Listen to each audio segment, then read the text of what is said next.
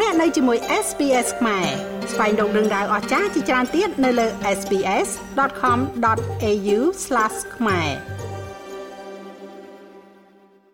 រដ្ឋ New South Wales និងរដ្ឋ Victoria បានចូលរួមជាមួយនឹងរដ្ឋអូស្ត្រាលីខាងលិចនិងដែនដីរដ្ឋធានីអូស្ត្រាលី ACT ក្នុងការកែប្រែរយៈពេលនៃការឆ្លងឡើងវិញនៃ COVID-19 របស់ខ្លួនពី12សប្តាហ៍ចុះមកនៅត្រឹម4សប្តាហ៍ មានការព្រួយបារម្ភថ្មីថ្មីថា variant រង Omicron ថ្មី កំពុងតែនាំឲ្យមានសម្ពាធកាន់តែខ្លាំងឡើងខ្លាំងឡើងមកលើសេវាសុខាភិបាលប្រទេសអូស្ត្រាលីបានមើលឃើញនឹងការកើនឡើងនៅចំនួនករណីឆ្លង COVID-19 នាពេលថ្មីថ្មីនេះហើយបញ្ហានេះបានបង្កើនសម្ពាធជាខ្លាំងមកលើវិស័យសុខាភិបាល។ នៅក្នុងរដ្ឋ Victoria កូដក្រហមឬក៏ Red Code ចំនួន2បានប្រកាសឡើងក្នុងរយៈពេល2សប្តាហ៍កន្លងមកនេះដោយបានដាក់សម្ពាធលើក្រុមគ្រូពេទ្យរថយន្តសង្គ្រោះដែលរវល់តែឆ្លើយតបទៅនឹងការហៅចេញលេខាធិការនៃសហជីពរថយន្តសង្គ្រោះរបស់រដ្ឋ Victoria លោក Danny Hill មានប្រសាសន៍ថាការហៅទូរស័ព្ទទាំងនេះជាច្រើនគឺជាលទ្ធផលនៃលទ្ធភាពទទួលបានការថែទាំសុខភាពដែលមានកម្រិត។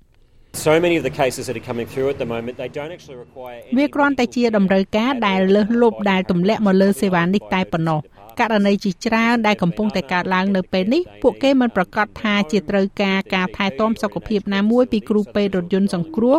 ហើយក៏ប្រហែលជាមិនត្រូវការសំបីតែនាយកដ្ឋានសង្គ្រោះបន្ទាន់នោះទេវាគ្រាន់តែថាពួកគេមិនអាចទទួលបានការថែទាំដែលពួកគេត្រូវការនៅក្នុងផ្ទះរបស់ពួកគេឬក៏ជាមួយនឹងវិជ្ជបណ្ឌិតប្រចាំគ្រួសាររបស់ពួកគេឬនៅក្នុងកន្លែងមើលថែទាំមនុស្សចាស់ដូច្នេះពួកគេងាកទៅរកការហៅទៅលេខ03ដងវិញ។ វាគ្រាន់តែជាតម្រូវការដែលទម្លាក់មកលើប្រព័ន្ធនេះប៉ុណ្ណោះហើយវាក៏ហូរហៀមកលើសមាជិករបស់យើង ដែលធ្វើការក្នុងឧស្សាហកម្មរថយន្តសង្គ្រោះមានករណីជាច្រើននៅក្នុងមន្ទីរពេទ្យដែលមានរោគសញ្ញាតាក់ទងទៅនឹងបញ្ហាផ្លូវដង្ហើមនេះកើតឡើងនៅពេលដែលជំងឺគ្រុនប្រសាយធំនិងមេរោគរដូវរងាផ្សេងទៀតកំពុងតែរីករាលដាលនៅក្នុងចំនួនដែលមិនធ្លាប់បានឃើញចាប់តាំងពីមុនការរាតត្បាតមកម្លេះ វាក៏មានប្រភេទ subvariant COVID-19 ថ្មីពីរផងដែរនោះគឺ BA4 និង BA5 ដែលអាចនាំឲ្យមានការឆ្លងឡើងវិញក្នុងរយៈពេលត្រឹមតែ4សប្តាហ៍ប៉ុណ្ណោះប្រធានមន្ត្រីសុខាភិបាលរបស់ប្រទេសអូស្ត្រាលីលោក Paul Kelly មានប្រសាសន៍ថានេះបង្ហាញពីបញ្ហាប្រឈមថ្មីនៅក្នុងការដោះស្រាយមេរោគនេះហើយលោកបានណែនាំដល់សាធារណជនឲ្យមានការប្រុងប្រយ័ត្ន It's uh, yet another curveball that's been given to us by this វានៅតែជាបាល់កោងមួយទៀតដែលបានផ្ដល់ឲ្យយើងដោយមេរោគនេះយើងរំពឹងថា variant ថ្មីទាំងនេះនឹងបង្កឲ្យមានការកើនឡើងនៃករណីឆ្លង និងប្រហែលជាការចូលសម្រាប់ព្យាបាលនៅមន្ទីរពេទ្យក្នុងប៉ុន្មានសប្តាហ៍ខាងមុខនេះ ឥឡូវមានផុសតាងរឹងមាំដែលថាអ្នកអាចឆ្លងមេរោគនេះឡើងវិញបានលឿនជាងអ្វីដែលយើងធ្លាប់បានឃើញពីមុនមកហើយដូច្នេះវាសំខាន់ណាស់ដែលអ្នកដែលមានរោគសញ្ញាម្ដងទៀតក្នុងរយៈពេល28ថ្ងៃឬក៏ច្រើនជាងនេះបន្ទាប់ពីពួកគេបានឆ្លងមេរោគ COVID-19 ពីមុនមកនោះត្រូវធ្វើតេស្តនិងចាត់ចែងការរៀបចំសមស្របក្នុងលក្ខខណ្ឌនៃការផ្ដាច់ខ្លួនឯងចេញឆ្ងាយពីគេ។ នៅគ្រប់រដ្ឋនិងដែនដីទូទាំងប្រទេសអូស្ត្រាលីការសម្រាប់ព្យាបាលនៅមន្ទីរពេទ្យតាក់ទងទៅនឹង COVID-19 បានកើនឡើងក្នុងរយៈពេល2សប្តាហ៍កន្លងមកនេះរដ្ឋ Victoria កើនឡើងដល់ទៅ57%រដ្ឋ New South Wales កើនឡើង33%និង Tasmania កើនឡើង120%ប្រធានផ្នែករោគរាតត្បាតនៃសាកលវិទ្យាល័យ Deakin សាស្ត្រាចារ្យ Catherine Bennett មានប្រសាសន៍ថា ទោះបីជាការចាក់វ៉ាក់សាំងអាចការពារជំងឺធ្ងន់ធ្ងរចំពោះអ្នកជំងឺក៏ដោយវេរិនថ្មីនៃវីរុសកូវីដ -19 នេះទាមទារឲ្យមានវិធានការដើម្បីកាត់បន្ថយការចម្លងបន្តលោកស្រី Bennett មានប្រសាសន៍ថាសាធារណជនគួរតែអនុវត្តវិធានការការពារដូចជាការពាក់ម៉ាស់និងអនុវត្តតាមច្បាប់រក្សាគម្លាតចម្ងាយ1ម៉ែត្រកន្លះដើម្បីជួយទប់ស្កាត់ការកើនឡើង។ masks distancing all those things that we've talked about for a long time រក្សាគម្លាតអ្វីអ្វីទាំងអស់ដែលយើងបាននិយាយជាយូរមកហើយដែលសំខាន់ឥឡូវនេះអ្នកត្រូវចេះការពារដោយខ្លួនឯង វាពិតជាជួយកាត់បន្ថយហានិភ័យនៃជំងឺផ្ដាសាយធំ RSV មេរោគ rhinovirus ដែលតែងតែជាការឆ្លងមេរោគរដូវរងាតាំងពីដើមមកដែលយើងឃើញអ្នកពិតជាជួយបង្ការជំងឺទាំងអស់នោះដោយពាក់ម៉ាស់យើងត្រូវគិតអំពីការការពារផ្សេងទៀតទាំងអស់ឧទាហរណ៍ការដាក់របាំងដោយទុកគម្លាតបន្តិចពីខ្លួនយើងនិងអ្នកដទៃ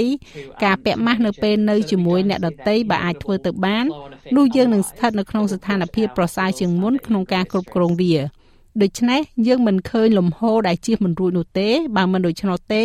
វានឹងធ្វើឲ្យមន្ទីរពេទ្យរបស់យើងស្ថិតនៅក្រោមភាពតានតឹងកាន់តែខ្លាំងមន្ត្រីសុខាភិបាលនៃរដ្ឋ Victoria កំពុងតែផ្ដល់អនុសាសន៍ឲ្យចាប់ផ្ដើមឡើងវិញនៅការពាក់ម៉ាស់ជាកំហិតនៅក្នុងសាលារៀនកន្លែងលក់រាយនិងទីកន្លែងបដិសណ្ឋារកិច្ចមួយចំនួន។ ប៉ុន្តែរដ្ឋមន្ត្រីក្រសួងសុខាភិបាលថ្មីរបស់រដ្ឋនេះលោកស្រី Mary Ann Thomas មានប្រសាសន៍ថាលោកស្រីទទួលយកដំបូន្មាននេះប៉ុន្តែនឹងមិនពង្រីកតម្រូវការពាក់ម៉ាស់ជាកំហិតនោះទេ។ mask wearing indoor and in crowded settings ការពាក់ម៉ាស់នៅទីខាងក្នុងអាគារនិងនៅកន្លែងដែលមានមនុស្សច្រើនត្រូវបានណែនាំយ៉ាងខ្លាំងប៉ុន្តែវានឹងមិនមានការកែប្រែណាមួយចំពោះតម្រូវការពាក់ម៉ាស់នាពេលបច្ចុប្បន្ននេះជាមួយនឹងប័ណ្ណបញ្ជារោគរាតត្បាតថ្មីទាំងនេះទេខ្ញុំបានធ្វើការសម្រេចចិត្តដោយផ្អែកទៅលើការណែនាំដែលខ្ញុំបានទទួលថាការដាក់កំហិតលើការពាក់ម៉ាស់បន្ថែមទៀតគឺមិនមែនជាមធ្យោបាយដ៏មានប្រសិទ្ធភាពបំផុតក្នុងការទទួលបាននៅសារអំពីសារៈសំខាន់នៃការពាក់ម៉ាស់នោះទេ